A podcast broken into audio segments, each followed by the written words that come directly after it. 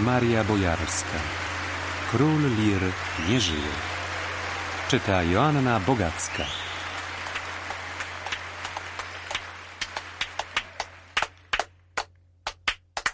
Ostatnią wolą Tadeusza Łomnickiego wyrażoną przez radio była wola pójścia na obiad.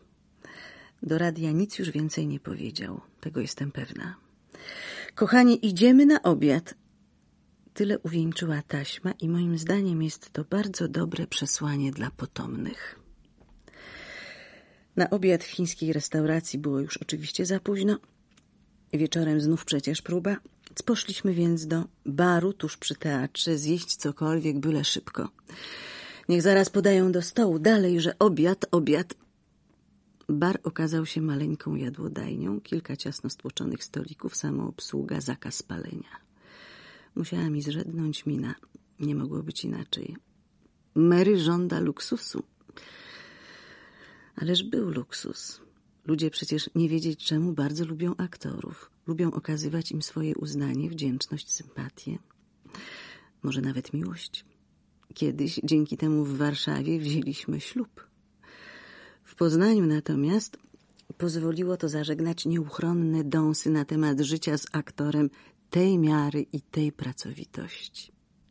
Zarządzająca lokalem pani nie tylko grzecznie rozpoznała Tadeusza Łomnickiego, nie tylko zgodziła się na to, by największy polski aktor sam przyniósł piwo z pobliskiego sklepu, ale i pozwoliła nam palić.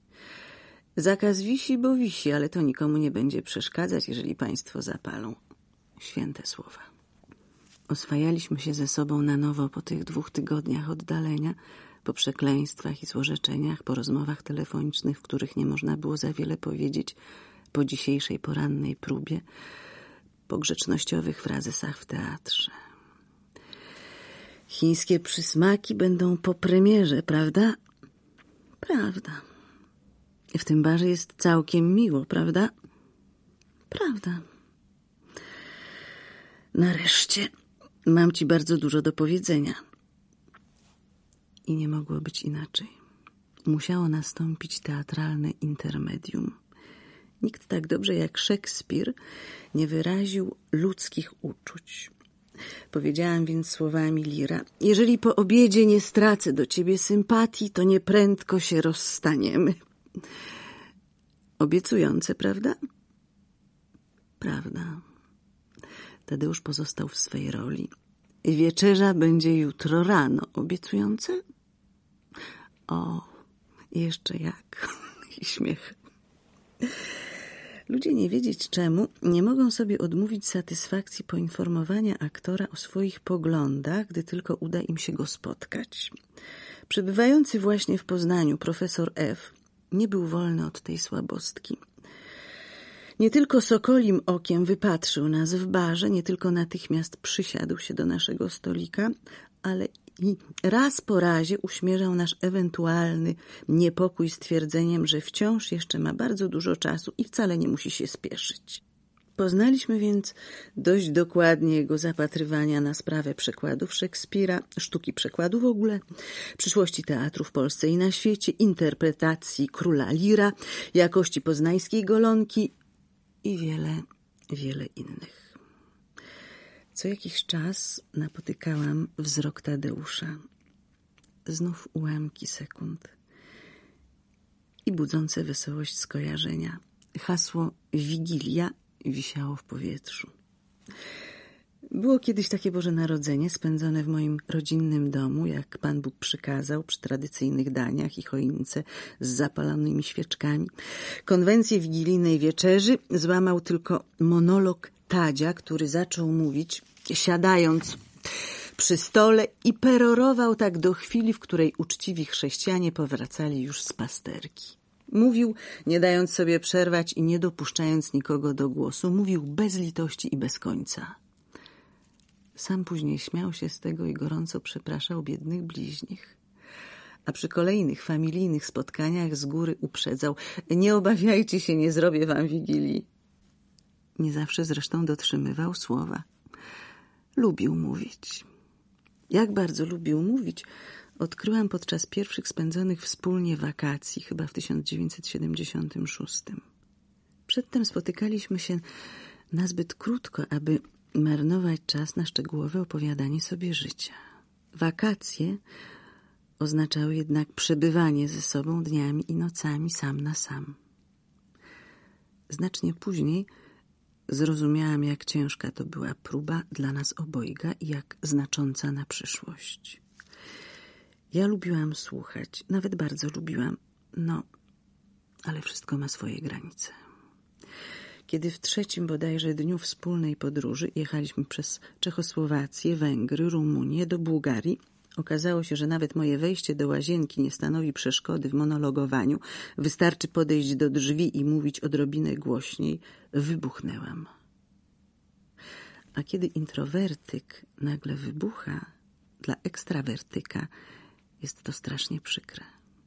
W kilka lat później przeczytałam list, jaki Tadzio z tych wakacji napisał do pewnej znajomej. List niewysłany i w końcu zniszczony, w którym skarży się na to moje wybuchnięcie gniewem w rumuńskim hotelu. Ona wciąż milczy nigdy nie wiem, co o mnie myśli. Ja uczyłam się stopniowo mówić więcej, on mniej. Tak to chyba było pilni uczniowie. Po kilkunastu latach osiągnęliśmy wręcz niewiarygodne rezultaty. Ja stałam się urodzonym gawędziarzem. On przemienił się w milczka. Dlaczego u diabła nie przerwie profesorowi F? Nie powie, co o nim myśli. Tak, tak właśnie było. Aktor mówi niby to cudzymi słowami, ale przecież im wierzy. I prawdziwe po latach okazało się wyznanie Bruskona. Bardziej interesuje się dzisiaj milczeniem. Choć oczywiście elokwentny komediant musiał to wyznanie uzupełnić, sprecyzować i uściślić. No i oczywiście sztuką słowa, słowami i milczeniem pomiędzy nimi. Oczywiście. Komediantowi kazał przecież w 1990 roku nieżyjący już autor Thomas Bernhard, z punktu widzenia żony aktora, największy realista naszych czasów, urządzić widzom Warszawskiego Teatru Współczesnego trzygodzinną, najprawdziwszą i bezlitosną wigilię. Znacznie odważniejszą niż ta w moim rodzinnym domu. Ale hasło Wigilia, którym porozumiewaliśmy się dosyć często, miało dla nas jeszcze inne konotacje. Było kiedyś i takie Boże Narodzenie, kiedy to obydwoje uczestniczyliśmy w bardzo niekonwencjonalnej wieczerzy wigilijnej w domu Morgensternów w roku 1985, o ile dobrze pamiętam. Gospodarze dołożyli naprawdę wszelkich starań, żeby wszystko przebiegało zgodnie z tradycją i uroczyście konwencję złamał i konsekwentnie nie przestawał jej łamać aż do pasterki Roman Polański, który po raz pierwszy przyjechał wówczas do Polski ze swoją narzeczoną Emanuel i chyba właśnie dlatego słowo orgazm nie schodziło mu z ust. Bóg się rodzi, moc struchleje. A jak to robią Chińczycy? Przybierzeli do Betlejem pastę w jednej książce napisano, że szczur, który odkrył związek między naciśnięciem dźwigienki a orgazmem, tak długo naciskał dźwigienkę, aż umarł z wycieńczenia orgazmami. Dacie wiarę? Lulajże Jezuniu. Ale liczy się przede wszystkim jakość orgazmu, a nie ilość. Jakość orgazmu jest najważniejsza. Prawda, Emanuel? Podnieś rękę, Boże dziecię, błogosław krainę miłą. Podobno nawet dziewięćdziesięciolatek może zachować pełną zdolność dawania i osiągania orgazmu pod warunkiem, że... O Boże wielki, Boże, Ty nie znasz nas, Polaków. Niezapomniany wieczór.